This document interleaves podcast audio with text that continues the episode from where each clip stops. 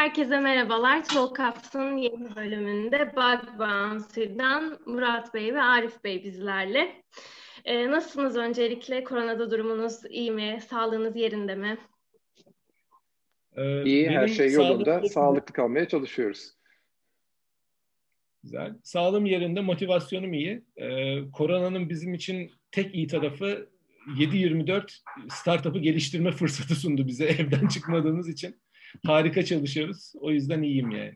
Yani siz e, kötü etkilenmediniz aslında koronadan. Bazı startuplar çok yakındı bu durumdan, hani koronanın onları çok etkilemesinden ama sizin için durum sanırım pozitif yönde oldu, etkiledi size.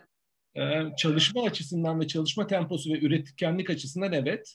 Hı hı. Ee, müşteri kazanımı açısından ilk başları zorladı. Çünkü bizim alanımız siber güvenlik olduğu için bir anda korona başladığında bütün herkes evden çalışmaya başladı haliyle. E, bu durumda da güvenlik ekiplerinin tümü bütün odaklarını evden çalışan çalışanların güvenliğine ayırdı. Bizim için böyle bir 4-5 aylık sarkma yarattı ama onun dışında hiç sıkıntı yok. Anladım. Sevindim her şeyin iyi olmasına. Ee, şimdi ilk bölümümüz bizim hızlı sorular. Ee, hazırsanız başlayayım. Hazırım. Kendinizi tanıtır mısınız? İsmim Arif Gürdenli. Bug Bounty'nin üç kurucu ortağından bir, biriyim. 54 ee, yaşındayım. İki çocuk babasıyım. Biri 15, biri 20 yaşında. Ee, Murat'la aynı üniversiteden, aynı bölümden mezunum. Üçüncü ortağımız dahil aynı üniversite, aynı bölümde. Ee, yelken sporuyla ilgileniyorum. İki olimpiyatta Türkiye'yi temsil ettim. Hala aktif yat yarışlarında katılıyorum. Orient Express'in dümencisiyim. Nokta. Ben de kalan 30 saniyenin bir kısmını kullanayım. Ben Murat Lostar, Arif'le beraber Bug Bounty'nin kurucu tamam. ortaklarından biriyim. Ee, ve e, olayın siber güvenlik tarafındaki tecrübesine sahip kişiyim. Siber güvenlikçi olduğum için de çok fazla konuşmuyorum. Benden bu kadar. Teşekkür ederim. Biz teşekkür ederiz. Bir dakikada ikiniz de konuştunuz. Çok iyi değerlendirdiniz. Bir sonraki soruya geçiyorum. Bounty'yi kısaca tanıtır mısınız? Tabii. E, Bounty e, şirketlerin güvenlik açıklarının e, keşfedilmesini, rapor doğrulanmasını ve raporlanmasını platformuna üye binlerce freelancer araştırmacı tarafından sağlayan blockchain tabanlı bir platform hizmetidir. Murat sen devam et. E, tabii e, platform derken her platformda olduğu gibi burada da iki taraf var. Bir tarafta güvenlik açıklarının bulunmasını isteyen kurumlar ve buna e, hazır para vermek isteyenler. Diğer tarafta da bunları bulmaya isteyen, evinden ben evimden çıkmak istemiyorum, oturup bilgisayarda para, e, çalışıp para kazanmak istiyorum. Siber güvenlikte iyiyim, başkalarının güvenlik açığını bulur, evde çalışır, keyfime bakarım diyenleri platforma bekliyoruz hackerlardan daha hızlı güvenlik açığı tespit eden platformumuz. Teşekkür ederiz. Tam nokta atışıydı süre olarak, süreyi kullanma konusunda. Bir sonraki soruya geçiyorum. Ekibinizden bahseder misiniz? Ee, üç kurucu ortağız. Murat ben. Bir de üçüncü bir ortağımız var Ozan Vakar. O da şu anda Seattle'da saat farkından ötürü katılamadı.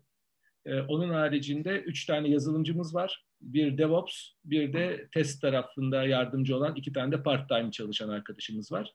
Böyle bir ekibiz. Onun haricinde 8 kişilikte bir danışma kurulumuz var. Yani startup'ın büyümesi ve genişlemesi tarafında bize aklıyla paylaşımda bulunan kişiler diye düşünülebilir. Startupların başarılı olması ekipleri kadar ekosistemleriyle de sağlanıyor. Bizim de ekosistemimizde hem çok değerli mentorlarımız hem beraber çalıştığımız e, PR ve sosyal medya tarafında bize destek olan e, arkadaşlarımız da var. E, onlarla beraber ilerlemekten, onlarla beraber başarmaktan çok mutluyuz. Teşekkür ederim. Ben teşekkür ederim. Bir sonraki sorumuz neden Bug Bouncer? Konumuz siber güvenlik ve güvenlik açıklarının tespiti olduğu için aslında şirketlerin en büyük derdi henüz keşfedemedikleri güvenlik açıklarından ötürü siber saldırılar karşısında bir zafiyetleri olması. E, Bug Bounty bünyesinde yüzlerce binlerce güvenlik araştırmacısı barındırdığı için herhangi bir şirketin sağlayabileceğinin yüzlerce katındaki bir araştırmacı ordusunu onlara sunabiliyoruz. O yüzden e, nokta atışı yapıyoruz. Yani bir impact yaratıyoruz, etki yaratıyoruz ve bunu da cost efektif diyebileceğimiz. Çünkü sadece geçerliyse bir güvenlik açığına para ödeniyor. O yüzden de bizden aldığı hizmet hem nokta atışı hem hızlı hem güvenilir diyebilirim Murat. Ee, çünkü yeni dönem iş, e, işe gitme ama istediğin zaman çalış, istediğin kadar para kazan dönemi. Biz de bunu siber güvenlikçilere sağlayan bir platform yaratmak istedik. Teşekkür ederiz. Buna sen bir bak. sonraki. Beş yıl sonra Bug Bounty'ı nerede görüyorsunuz? Ee, Bug Bounty'ra Türkiye'den başladık. Türkiye bizim kendi ülkemiz ama pilot ülkemiz. Ee, hemen önümüzdeki ay yani Ocak ayı itibariyle e, yurt dışına, bölgemize ve Avrupa'ya doğru açılmaya başlayacağız. Önümüzdeki 2-3 yıl Orta Doğu, Türkiye Cumhuriyetler ve Avrupa'nın yapısıyla geçiyor olacak. 4-5 yıl sonra bizi e, Amerika'da bu işi ilk başladan 7-8 yıl bizden önce olan firmalarda kafa kafaya baş başa olduğumuz bir zamanda göreceksiniz diye başlıyorum Arif. 5 yıl sonra bugün Peak Games'in yaptığı e, başarıyı gerçekleştiren bir bug bounty olarak göreceğimizi düşünüyorum. Yani unicorn olma yolunda iyi bir adımla e, ilerleyip 5 yıl sonra da becerebilirsek onu yapalım. Bu benim hayalim. Teşekkür ederiz. Bu bölümümüz bu kadardı. Ee, şimdiki bölümümüzün ismi nokta nokta nokta. Ee, biz size birkaç cümle söyleyeceğiz. Ee, içinde bazı yerler boş, oraları doldurmanızı isteyeceğiz kendinize göre. Bunda süre evet evet, bunda süre kısıtlaması yok. Haydi bakalım. İlk e, cümlemizle geliyorum. Keşke nokta nokta yapmasaydım. Startup yolculuğunuzda keşke neyi yapmasaydım diyorsunuz. Startup'tı bunlar. Evet. Ya da kişisel gelişim ya da bu yola çıktığınızda hani pişman olduğunuz bir şey olabilir. Ya benim aslında en pişmanlığım ben Murat Ozan'la beraber biz üçümüz daha üniversitede okurken şirketi kurmuştuk. Hı hı. Ee, sonra ben iki olimpiyata gittim ve e, işlerden güçlerden koptum. E, keşke yapmasaydım dediğim hayattaki zaten yegane şeylerden bir tanesi de üçüncü olimpiyata uğraşmayıp keşke Ozan Murat'la yoluma yazılımcı dünyasına devam etseydim. Yani ortaklığın evet. içinden hiç ayrılmasaydım o zaman. Bu ilk ortaklığımıza ilgili söylüyorsun. Ben de oradan devam edeyim. Ortaklığımızın bitmesi bir anlamda e, bizlere pozitif etki ver, etkiledi bizleri. Çünkü üçümüz de ayrı konularda uzmanlaştık.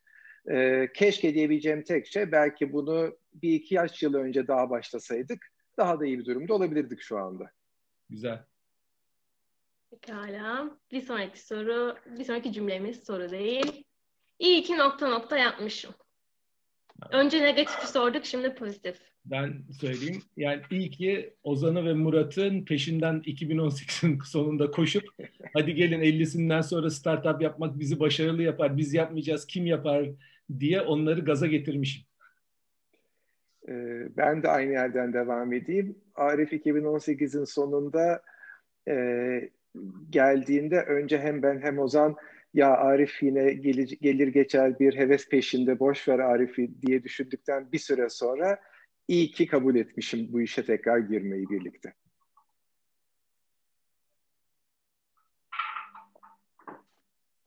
Bir sonraki cümlemize geçiyorum.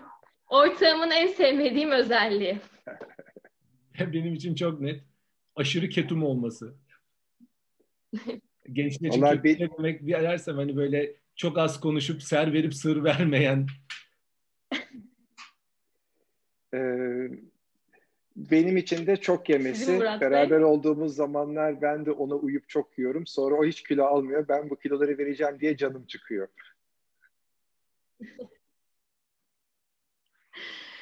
Ben de e, Arif Bey'in tarzındaki insanlardanım. Ben de yiyip yiyip kilo almıyorum. E, güzel bir özellik mi denir artık, şans mı denir bilmiyorum ama e, evet bazı insanlar için sevilmeyen bir özellik olabiliyor. Bunu 20 sene sonra konuşalım. Startup'ın adını değiştirmek zorunda olsam nokta nokta yapardım.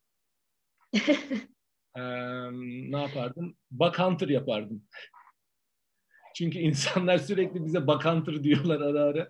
Ee, Bug Bounter yerine Hunter olabilirmiş. Bakantır ben de aynı şeyi düşünmüştüm. Çünkü evet Arif'in söylediği gibi e, hani firma isimleri bazen özellikle ilk öğrenildiğinde yanlış hatırlanıyor, yanlış anımsanıyor. Bizi de yanlış anımsayanlar ısrarla Buck Hunter diye anımsıyorlar. Demek ki o isimde bir keramet varmış, onu hissediyorum. Peki isim bulurken zorlandınız mı? Genelde yeni kurulan startuplar için bu zor oluyor. Yani başlarken bir şeye e, en iyisi olmasını istiyorsunuz. İsmin de güzel olmasını istiyorsunuz. Zorlanmış mıydınız sizler? E, stratejik ve belli bir metodoloji doğrultusunda gittik. Yapmak istediğimiz iş çerçevesinde bir isim mi bulacağız yoksa genel bir isim mi bulacağızı konuşup çok hızlı bir şekilde yapmak istediğimiz işin etrafında bir isim olmasına karar verdik. Ondan sonraki seçeneklerimiz karşılıklı şeyleri yazıp, opsiyonları yazıp bu opsiyonların e, alan adı ve sosyal medyadaki kullanımlarına bakmaktı. Çünkü eğer o isim daha önce bir süre yerde kullanıldıysa iş şirket için evet. olarak kullanamazsınız. Evet. O yüzden e, bazı isimleri e, düşündük ama sonra almadık. E, alamadık çünkü kullanılmaya başlanmıştı. Aralarında en güzel olanı, en uygun olanı Bug Bounty oldu. Pekala. Aslında oldukça çok böyle e, bizimki e, duygusal veya romantik bir seçim değildi. Yani hı hı. E, hem gönlümüzün hem de aklımızın e, kestiğini seçtik aslında. Bunu öneriyorum da startupçılara. Bence isminiz gayet güzel ve anlamlı. Yapılan işi de anlatıyor. Logomuzu da seviyoruz ayrıca. Bunu, bunu seviyoruz. Logonuz da evet, çok güzel. Bir sonraki soruma geçiyorum. Startup yolculuğun bir şarkı olsa nokta nokta olurdu. Lostar sen başla diyeceğim ben bir düşünüyorum. Ee, uzun ince engeli bir engebeli bir yolda hiç durmadan gidiyorum. Ya şarkının adını hatırlamıyorum. Böyle şey vardı. Ee, What doesn't kill you makes you stronger falan gibi sözleri olan bir şarkı vardı ya. Ee, geçen sene mi belki sene mi çok popülerdi. Evet, ben de şu an anımsadım evet ama ben de isim olarak tam hatırlayamadım. Yani o şarkı olabilirdi. Çünkü startup olarak böyle her dakika bir dayak yiyorsun. İşte oradan red diyorsun, buradan red diyorsun. Ne bileyim işte birine sunuyorsun beğenmedim diyor, öbürü yok bu tutmaz diyor filan. O yüzden yani seni öldürmeyen güçlendirir sözü bence güzel bir şarkı olur. Evet, startupçılar çok fazla düşüp kalkıyor aslında. O yüzden hmm. e, mantıklı bir şarkı seçimi bence de. Yani orada hani bizim için aslında orada keyword gerçekten startup dünyasında bu resilience deniyor ya yani dayanıklılık. Yani her ne olursa olsun bence startupta resilience'ımızı yüksek tutmamız lazım. Benim önerim o. Birçok konuda öyle ama özellikle startup dünyasında ben de katılıyorum kesinlikle öyle. E, bu bölümümüzde bu kadardı. Bir sonraki bölümümüzün ismi yatırımcı soruları. Yatırımcıların genelde startuplara sorduğu soruları size soracağız. Tabii ki hepsini değil, bir, birkaçını seçtik biz. İlk sorumla başlıyorum hazırsanız. Ürün veya iş fikriniz ile ilgili farkındalığı nasıl artıracaksınız ve ürünü nasıl kabul ettireceksiniz? İlkini ben söyleyeyim, ikinciyi Murat söylesin. Ee, farkındalığı aslında biz iki tane komünitemiz olduğu için müşteri ve e, araştırmacı özelinde düşünmek lazım. E, bunun için çok kapsamlı bir dijital pazarlama stratejisi geliştirdik ve bu tarafta da bir iş ortağımız var. E, İngiltere'de The Next Big Thing, Türkiye'de de Marjinal. Dolayısıyla onlarla beraber e, iki aydır bütün bunun stratejilerini hazırladık. Çünkü e, şu anda Türkiye'de denemelerini yapıyoruz. Önümüzdeki aydan itibaren Avrupa'ya açılacağımız için bizim için dijital kanallar kritik. Dolayısıyla dijital kanallarda çok yoğun varız. Artı bir de burada komünitede influencer diyebileceğimiz insanlarla da çalışmaya ufak ufak başlıyoruz. Bunun ilkini de 15 Ocak'ta başlayacağız. E, Twitch kanalı üzerinde. E, dolayısıyla böyle bir farkındalığı yaratma e, modelimiz var. Bir de iyi müşterilerimizin e, testimonial'larıyla da müşteri referansı üzerinden yürümek istiyoruz. Ee, ürünümüz bir... Yani. Pardon bitirdin zaten Arif. Ürünümüz bir e, siber güvenlik ürünü. E, aslında e, Covid e, bir sürü kötülüğünün yanı sıra bize büyük bir iyilik etti. Çünkü dijitalleşme yönünde e, internete geçme ve e, yeni süreçleri teknolojiyle kurgulama yönünde çok miktarda geçiş oldu Covid'le beraber hepimizin bildiği gibi. E, eğitimden sağlığın bile bir kısmına kadar her şeyi uzaktan yapma yolunda ilerledik. E, bu doğrultuda dijitalleşme artınca bunun beraberindeki güvenlik problemleri de devam ediyor. Ve de kötü niyetli suçlu hackerlarda, e, siber suçlularda ne yazık ki e, vites değiştirdiler, daha fazla saldırıyorlar, daha fazla zarar veriyorlar. Aslında bizim ürünümüzü, hizmetimizi e, kabul ettirmek için bizim yerimize çalışıyorlar. Teşekkür ederim cevaplarınız için. Bir sonraki soruya geçiyorum. Pazar fırsatı ne kadar büyük?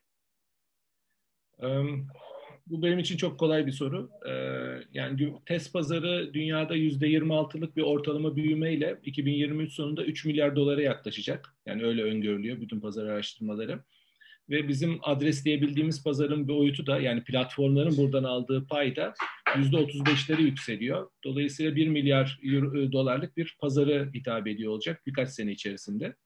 Ee, biz buradan 40 milyon dolarlık bir pazarı hemen adreslemek istiyoruz. O yüzden de hızlıca Avrupa'ya açılıyoruz önümüzdeki ay. Biz Avrupa, Orta Doğu ve Asya'da liderliği ele geçirip ondan sonra da haddimizi e, aşarak Amerika'ya doğru gitmek istiyoruz. Yani bizim yol haritamız böyle. Bir şey eklemek ister misiniz Murat? Yok, burası çok açık ve netti. Tamam. Zaten kapalı bir soruydu. O yüzden devam edelim. Tamam. Kendiniz ve startup'ınız için başarıyı nasıl tarif edersiniz? Hadi bunu da sen Hadi bunu da ben söyleyeyim. Ee, biz e, çözümden çok e, çözmek istediği probleme aşık olan bir ekibiz. E, bizim için en önemli şey ki e, sunumlarımızın da ilk sayfasında hep söylüyoruz. Diyoruz ki siber saldırılar bitmeyecek ama biz bu siber saldırıların sonuçsuz kalması için çalışıyoruz. Dolayısıyla e, çok büyük bir siber saldırı e, dönemleri yaşayan bir dünyadayız. Yeni bir siber saldırı şeyi ortaya çıktığında, savaşı ortaya çıktığında e, bizim müşterilerimiz, bizimle beraber çalışmayı tercih edenler bu saldırılardan etkilenmedikleri gün ben kendimi çok e, başarılı sayacağım. Şu anda bile e, kötü niyetli saldırganlardan, hackerlardan önce bulduğumuz ve kapattırdığımız e, çok miktarda güvenlik açığı var. Bu e, beraber çalıştığımız kurumların e, reputasyon kaybına, para kaybına, e, lisans kaybına e, aslında çok ciddi bir önlem olarak karşımıza çıkıyor. Kazandığımız para değil, bence esas başarı burada yatıyor. Bir ikinci başarı da e, aslında hem Türkiye'de hem de Türkiye dışında e, burada çalışmak isteyen gençlere e, iş ve bir kariyer imkanı sunuyor olmak. Burada da e, çok büyük şirketler e, boyusuna gelmemiz çok daha hızlı olabilecek. Bugün koca bir fabrikanın bin kişiye gelmesi e, belki e, çok büyük yatırımlar, çok büyük zamanlar alırken biz daha şimdiden neredeyse 300 kişiyiz. Tahmin ediyorum 6 aya kalmaz birkaç binleri telaffuz etmeye başlayacağız. Teşekkür ederim. Ben teşekkür ederim. Bir sonraki sorumuzda böyle bir işi büyük bir şirket neden kurmasın? Yani bu neden bir startup olarak başlasın? Ya büyük şirketler aslında siber güvenlik üzerinde zaten bir şeyler kuruyorlar, devam ediyorlar. Bizim yaptığımız iş biraz deli işi. Çünkü yani çok büyük bir community'yi bir araya getirmek, bunların da namı değer hackerlardan oluşuyor olması zaten insanların çok korktuğu bir kitleyi iyi yolda çalıştırma çabası. O yüzden de şirketlerin çok cesaret edebileceği bir alan değil. Yani buna anca bir girişimci bence cesaret ederdi. Biz de böyle bir yola çıktık. Ee, ben normalde hoşlanmadığım bir şey izninizle herkese yapacağım. Biraz düşünmeye e, yöneltmek için. Arif zaten yanıtı verdi. Bizim yaptığımız iş bir platform, bir pazar yeri işi. Ee, Türkiye'de Armut.com en bilinen örneklerinden bir tanesi. Yurt dışındaki en büyük, en göz önündeki iki tane örneği ise Uber ve Airbnb. Ee, bu kadar çok taşıma şirketi, taksi şirketi varken, bu kadar çok otel zinciri varken neden bir startup başardı da büyük şirketler başarmadıysa biz de aynı nedenle e, startup'ın burada daha başarılı olacağını düşünüyoruz. Teşekkür ederim. İş modelinizde ve nasıl para kazanmayı planlıyorsunuz? Ee, bizim iş modelimiz başarı üzerine odaklı bir iş modeli. Ee, platformun çalışma akışı keşfedilen bir güvenlik açığının doğrulamadan geçtikten sonra şirkete iletildiğinde onaylandığı zaman ondan bir ödül kazanma üzerine kurulu. Yani biz diğer birçok güvenlik araştırma şirketinin sunduğu gibi hizmet sunmuyoruz. Biz başarı sunuyoruz. Dolayısıyla bir hizmete para ödenmiyor. Yani bir arkadaş diyelim ki işte ben beş gün çalıştım, uğraştım, altı tane rapor yolladım. Hiçbir de kabul görmedi, bana bir para yok mu dediğinde yok. Ama eğer ki başarılı bir güvenlik açığını tespit ettiyse, ispatlarıyla da yolladıysa da ödülünü kazanıyor. Biz de onlara ödenen ödüllerin üzerinden bir komisyon geliri elde ediyoruz. Dolayısıyla biz başarıyı primlendiren bir iş modeliyle çalıştığımız için biz de başarıdan nemalanıyoruz. E, ikincisi de belli bir zaman sonra elimizde oluşan işte verilerle ki sağlam da bir e, big datamız oluşuyor. Bu akıllı veriyle beraber bazı düzenli hizmetleri de müşterilerimize açmaya başlayacağız. Ki onların siber güvenlik tarafındaki farkındalıklarını, önlem, er, erken uyarı mekanizmalarını kurgulayacak bir iş modeli var kafamızda. O da üyelik üzerinden oluşuyor olacak. Dolayısıyla işte komisyon artı üyelik üzerinden gerçekleşecek bir e, modeli kurduk. Tamamdır. Murat Bey bir şey eklemek ister misiniz? Tamam. Hayır, teşekkür ederim. Tamamdır. Bu bölümümüz de sona erdi. Şimdi acı gerçekler bölümüne geldik. Başla Murat. En sevilen, en sevilen, en güzel bölümümüz bu. ee, başlamadan Murat... kayıttan önceki şeyi söyleyeyim. Ben acı bir şey yanıma almaya gerek görmedim siz söylediğiniz için. Arif ben yanıt veremediğimde acıyı yine sen yiyorsun. Böyle anlaştık ortaklar olarak. Yanıt verirsin sen nasıl olsa. Beni yolda bırakmayacağını eminim ortak. Belki hepsine verirsiniz. Hiç acı yemek zorunda kalmazsınız. İlk sorumla başlıyorum. Startup'ınızı ne kadar ücrete satardınız? Bugün mü? Bugün, evet. Ben 15 milyon dolara satardım. Ben de. Ee, ama yatırımcı olsam şu anda 15 milyon dolar vermezdim. Çünkü e, önce Murat'ın, Arif'in verdiği sözleri yerine getirdiğini görmek isterdim. Ki biz de bunu yapıyoruz. Tamamdır. Zaten Burada... Onlar olduğunda da 15'e satmam zaten. Evet o tabii. O hep böyle bir, bir uzaktaki bir sosis o. Hep böyle uzağa doğru gidiyor o. o yüzden benimki bugün kaça satardın? Hani bugün geldim mi buyur derdim. Ama Murat'ın söylediği o arzu ettiğimiz traction'ları falan geldiğimizde o zaman üç haneli konuşacağız zaten. Tamamdır. Burada kimse acı yemedi. Bir sonraki sorumuz. Pes etmeyi düşündüğünüz nokta oldu mu? Olduysa bu nokta neydi? Yani pes etmeyi düşündüğüm olmadı ama e, ulan nasıl olacak filan dediğim yer mesela arka arkaya müşterilerden e, olumsuz yanıtlar aldığımızda ya biz bunu aşabileceğiz mi bu soruyu dediğim zamanlar zaman zaman oluyor. Ama bu pes etmek değil çünkü her birinden yeni bir şey öğreniyoruz. Daha yolun başındayız. Ee, Dediğimiz o resilience konusu. Evet. Ee, benimki daha teknik bir yerde oldu. Tam sistemi canlıya almak üzereyken, açmak üzereyken benim böyle yaklaşık bir e, bir hafta falan uykusuz bir sürem oldu. Böyle sabah uyanıyorum, gece uyuyamıyorum. Yani sabaha kadar tekrar çalışıyorum falan. E, orada şey dediğim oldu. Yine pes etmek tam sayılmaz ama e, işte ya ben keşke daha genç olsaydım çünkü eskiden uyumadan bir hafta çok rahat idare ediyordum. Şimdi birkaç günden sonra bir sağlam uykuya ihtiyacım oluyor vücudumun. Ee, acaba bu gecelik pes edip bir uyusam yarın devam etsem mi dediğim oldu. Ama sonra e, dedim ki ben e, söz verdim bütün ekibimize bunu bu gece bitirmem lazım deyip e, o akşamki işi bitirip uyudum. İyi olmuştu diye hatırlıyorum. Ben teknik bir tane ilave edeyim. Ee, bizim sistem blockchain üzerinde çalışıyor. Ee, Ethereum yapısı üzerine kurduk. Yani bana böyle bir blockchain'de pes etme noktasına kadar geldi. Çünkü her şeyi kurduk. Ethereum bir zıpladı. Düşündüğümüz rakamlar ona filan katlandı. Bu pandemiden ötürü. Yani planladığımız hiçbir şey olmadı filan. O bir acı gerçekti. Evet, gerçi acı gerçeğe uygun bir örnek oldu. Bir sonraki soruma geçiyorum. En büyük rakibiniz kim? Global ölçekteki en büyük rakibimiz dünyada HackerOne ve Bugcrowd. Hı hı. Onlar en büyük iki tanesi. Avrupa'da da Yes ve Hack ile Integrity var ama onlar o kadar büyük değiller. Onlar daha dişimize göre gözümüze kestiğimiz rakipler. Tamamdır. Bir sonraki soruya geçiyorum. Gereksiz olduğunu düşündüğünüz bir startup var mı? Her alanda olabilir. Gereksiz olduğunu düşündüğüm. Evet. Tamam. Şimdi e, güzel. Düşüneceğim. Arif benden önce aklına gelirse cevap ver. Buna birazcık düşünmem lazım. Tabii.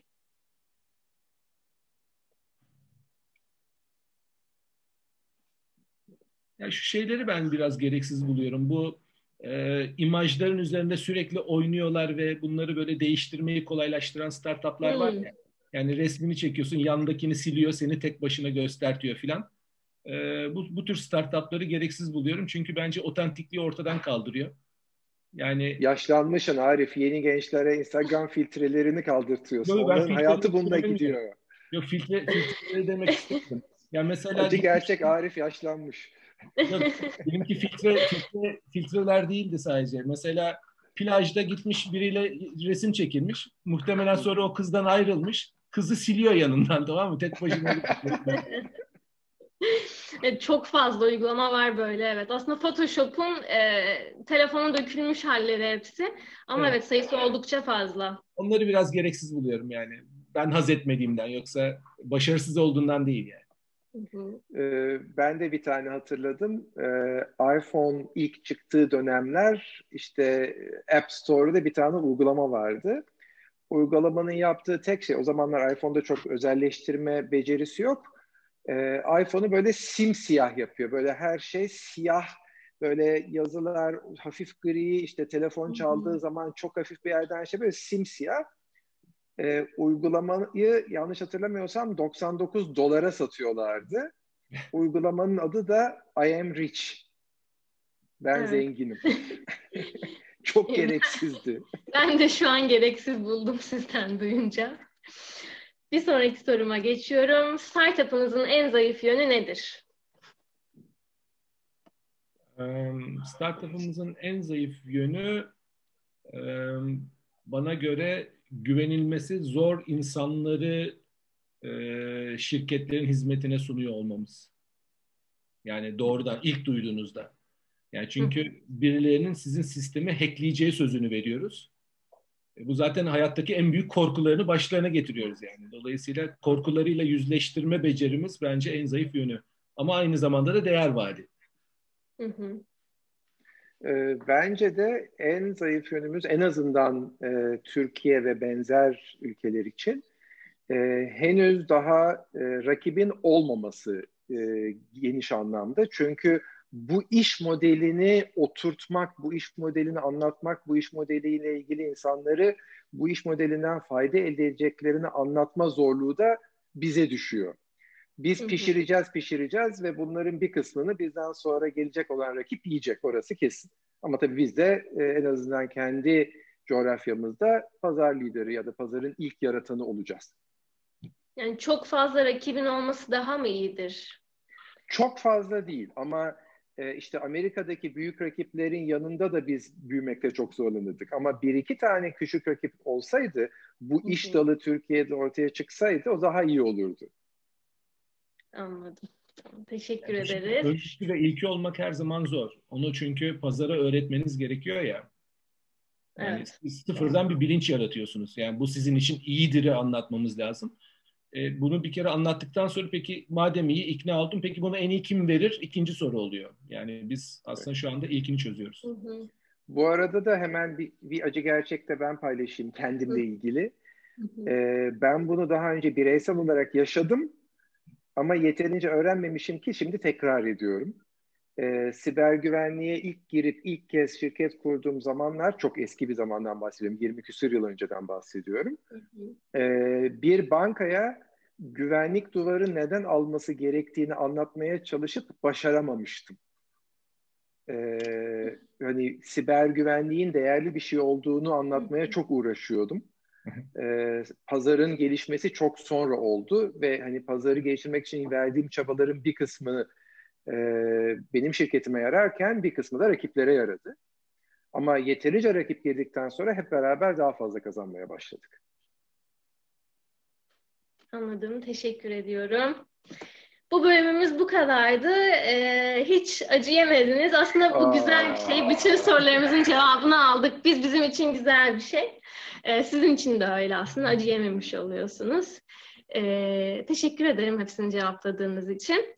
Ee, şimdi son bölümümüze geldik. Son bölümümüzde bu startup ne yapıyor?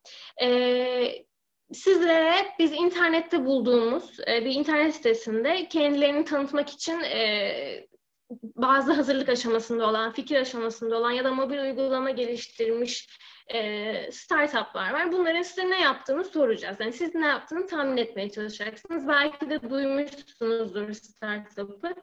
E, belki de hiç duymamışsınızdır. İlk startup'ımızı soruyorum. Renti. Biz konuklarımıza logosuyla beraber gösteriyoruz podcast dinleyicilerimiz için. Siz göremiyorsunuz ama ne adı güzel. Renti. Startup'ın adı. Um, ee, şey, Renti direkt, acaba şey gibi, PropTech gibi yani efendim? Bence araba kiralıyor. İsimlerinden yola çıkmaya çalışın. Öyle Evet yani e, bir çeşit kiralama işi. Ee, araba kiralıyor olabilir. Ee, işte Airbnb gibi bir yer kiralayıcı olabilir. Ee, ya da kiralayanlarla e, kiralamak isteyenleri buluşturan bir ortam olabilirmiş gibi duruyor. Neymiş peki? Söyleyecek misiniz cevabını? Tabii ki, tabii ki. Şöyle, e, günlük hayatımızda çok fazla kullanmadığı eşyaları bunlar kamp çadırı olabilir. Mesela çok fazla kamp yapmıyorsanız kamp çadırı almazsınız. E, bu matkap olabilir. Matkap çok fazla e, yani kiralanıyormuş bu uygulamada. E, bu tarz şeyleri satın almak istemezseniz e, buradan birkaç kereliğine kiralayabiliyorsunuz bu uygulamada. İş modelini beğenince şey var mı? Thumbs up var mı? Ben beğendim iş modelini. Süper. Tabii ekleyebiliriz. Aslında güzel bir fikir şu an bizim formatımıza evet, Burada bir kere kullanacağın şeyi satın almak çok gereksiz. Gerçekten güzel bir şey. Evet. evet. Bir sonraki startup'ımıza geçiyorum. Hobbycorn. Hadi bakalım. Evet. Mısır'la ilişkimiz var. Hobiyle ilişkimiz var. Yani Mısır... Kelimelerden bunlar çıktı. Hadi Mısır. Ya Mısır ben çok bağdaştıramadım. İsminin neden Mısır'la hani Mısır olduğunu bilmiyorum. Bence unicorn'dan ama... gelen bir hobicorn falan olabilir. Yani bir ha, hobi evet. şey çevirip para kazandıracak bir e, olanak sağlayan bir şeydir diye düşündüm. Hobiden para kazan filan yani. Mesela çok beceri sen ne dikiş nakış yapıyorsun. E, öyle bir hobin var. Onu sana birine para, para kazandırtıyor sana ondan filan. Ben çıkartamadım. Ee, senin söylediklerini beğendim. Tekrarlamayayım. Evet, Arif Bey evet ben de çok beğendim aslında güzel bir e, fikir ama e, o değil.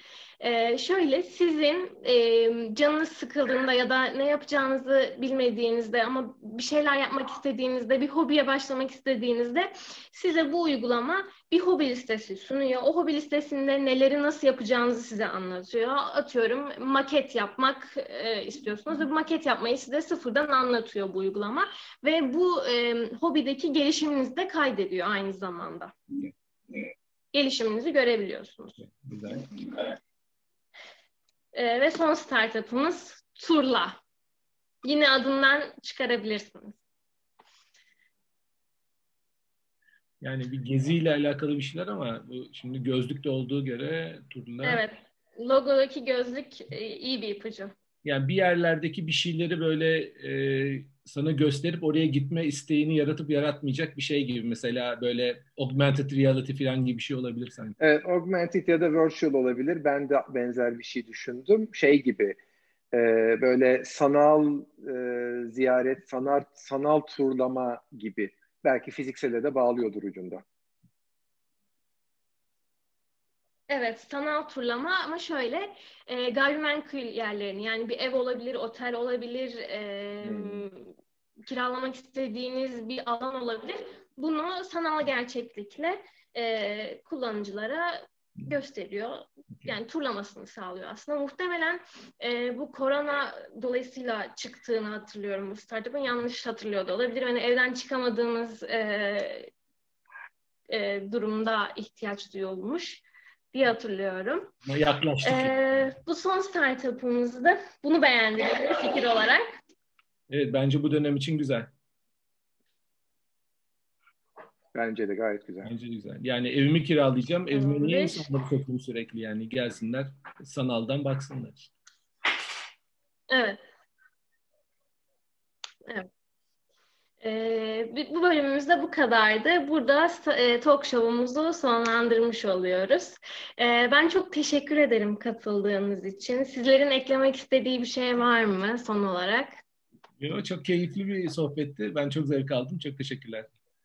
Ee, benim için de formata da bayıldım. Tebrik ederim. Ee, başarılar, çok sevgiler herkese. Ee, Bağo'da eğer ki siber güvenlikle ilgilenen arkadaşlar varsa bizim ismimizi duymalarını isterim. Gelsinler platformu iyi olsunlar, araştırsınlar, raporları yayınlayıp para kazansınlar. E, e, bizim bir siber güvenlik merkezimiz var. Orada çalışan öğrencilerimiz de var. E, onlara tabii ki mutlaka duyururuz. Onlar da yararlanmak isterler. Çok memnun oluruz. Bekleriz platformu onları. Tekrar çok teşekkür herkese. ediyorum katıldığınız için. Ee, dinleyicilerimize de izleyicilerimize de görüşmek üzere.